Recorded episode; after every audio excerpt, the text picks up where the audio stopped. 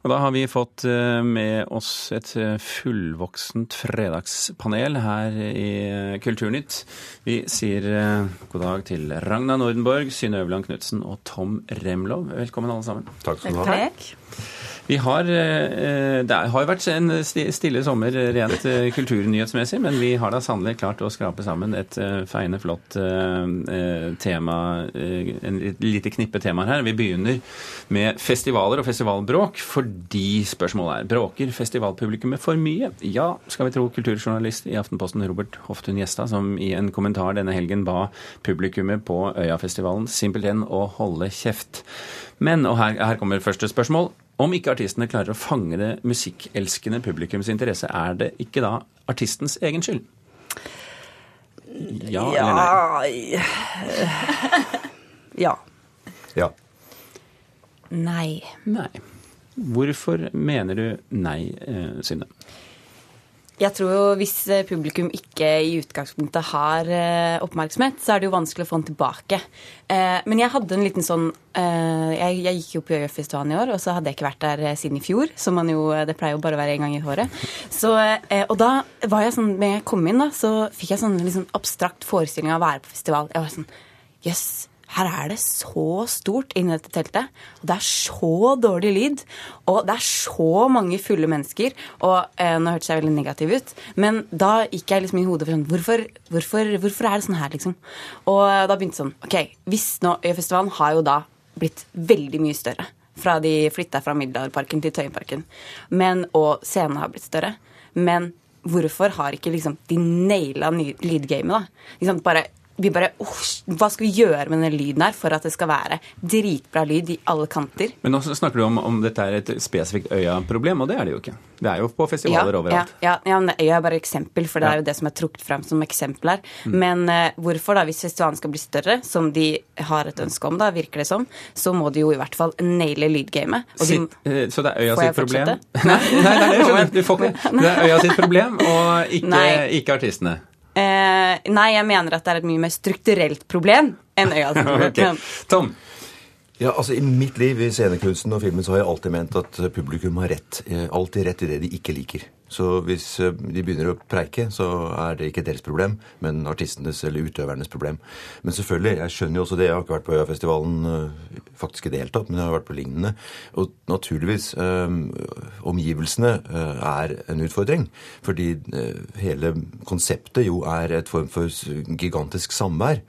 Og da kan jo fokuset og konsentrasjonen fort komme til å havne et annet sted. Mm. Men fortsatt er det egentlig min mening at det er artistenes problem, fordi det er noe som heter å oppføre seg som som en primadonna, med andre ord å gjøre seg til førsteperson i sammenhengen.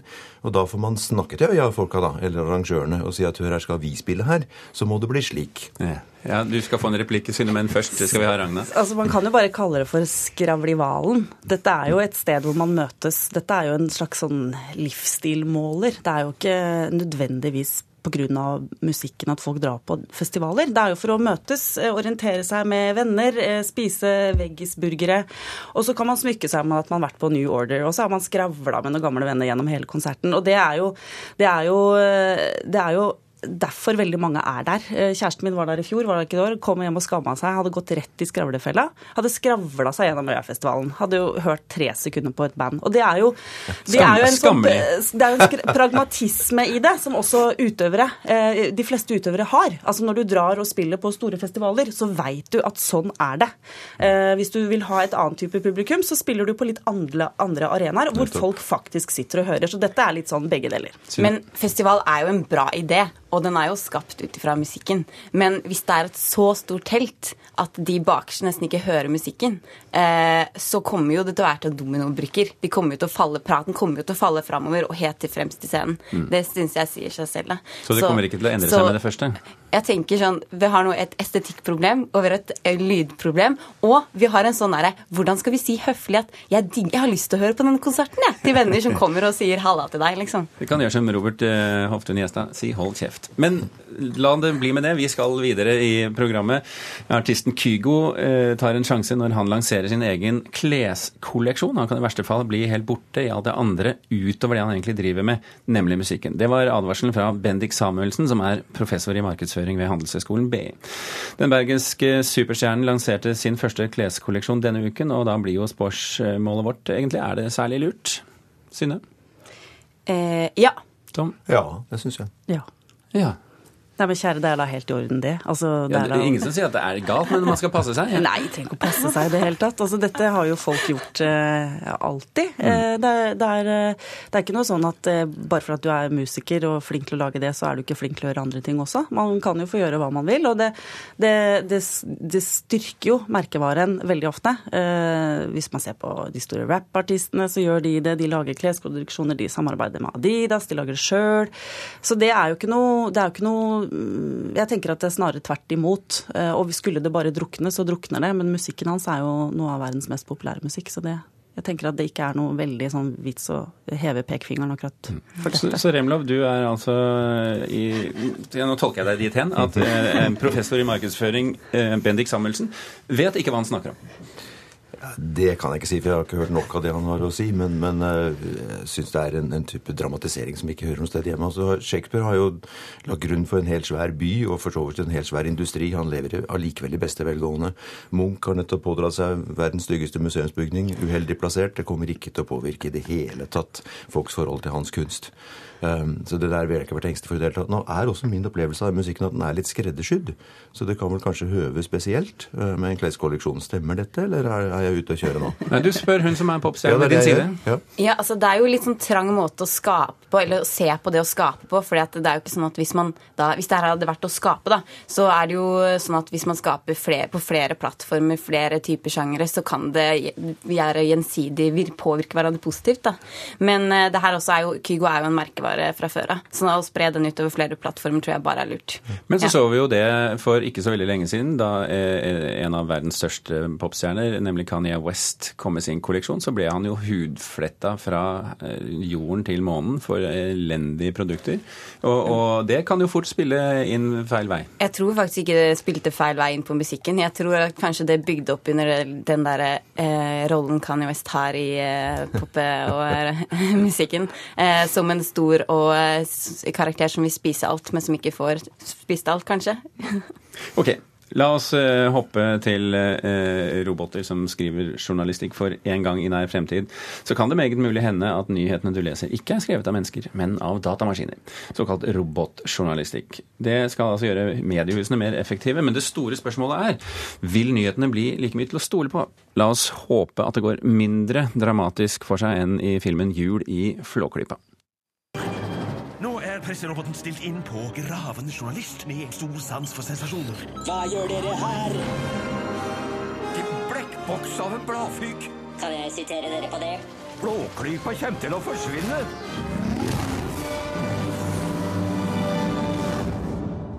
Dette kommer jeg til å angre på.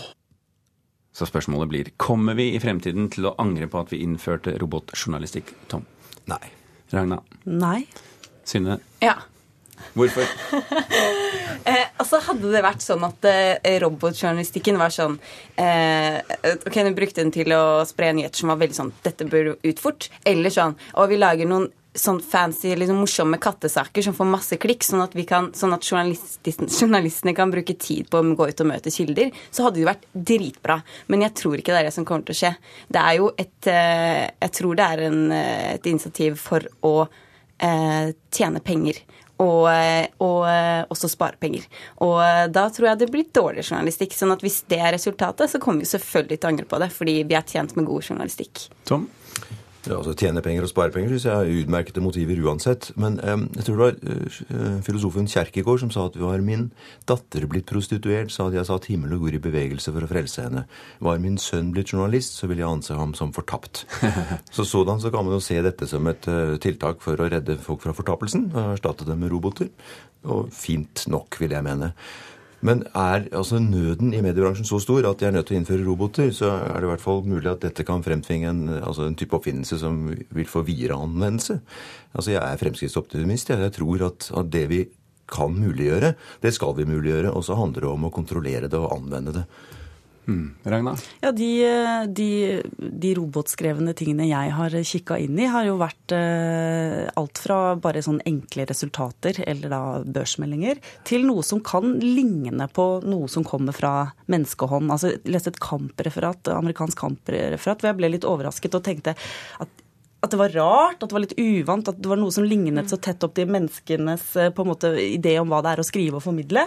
Så, så det er litt pussig. Og det er, jo, det, det er noe man må venne seg til og sikkert gå opp. Eh, men, men det at f.eks. Ap og andre nyhetsbyråer eh, gjør dette allerede nå, og mye av det vi leser kommer fra den type, den, den type datamaskiner, det, det, tror jeg foreløpig ikke har skvisa ut flere journalister som da skal forhåpentligvis stille kritiske spørsmål. De blir jo skvisa ut uansett. Ja. så- Eh, skri- kritiske spørsmål, bakgrunnssaker. Altså man kan ta seg av de reelle journalistiske opp, utga, hva, heter det, utfordringene. eh, Mens datamaskinene kan ta seg av de enkle tingene. Men datamaskinene kan også ta for seg eh, mer kompliserte ting etter hvert som vi innfører såkalt eh, kunstig intelligens inn i disse datamaskinene. Og da begynner de å tenke mer selv og gjøre vurderinger selv. Er det noe vi setter tommelen opp for? Det er, jo, det er jo en ting som kommer til å skje over hele samfunnet, ikke bare i journalistikken. Dette er, eh, Det er dette er det sånn som- verden er er, som og har blitt, og er kommer som- til å være. Det er som det første spørsmålet du stilte. altså Er publikum eh, i stand til å observere forskjellene og oppføre seg deretter? Og det tror jeg vi er. Er du redd for uh, kunstig intelligens? Um, ja og nei. Og litt som spørsmålene til Kulturnytt, så er det vel alltid litt sånn ja og nei. jeg tror vi kommer, Men er det ikke det som ligger litt i nostalgia? At, eh, at man også angrer lite grann? Og så er man også glad. Litt glad. Alt blir eh, helt likt som før, altså. Ja, men det er en fin konklusjon på dagens eh, fredagspanel her i Kulturnytt. Synne Øverland Knutsen, forlegger i Fanfare, Tom Remlov i Riksteatret og Ragna Nordenborg, vår uh, egen programleder her i NRK. Takk for at dere var fredagspanelet. Thomas Alvarstein Ove og Birger Kolsrud Aasund takker for følget.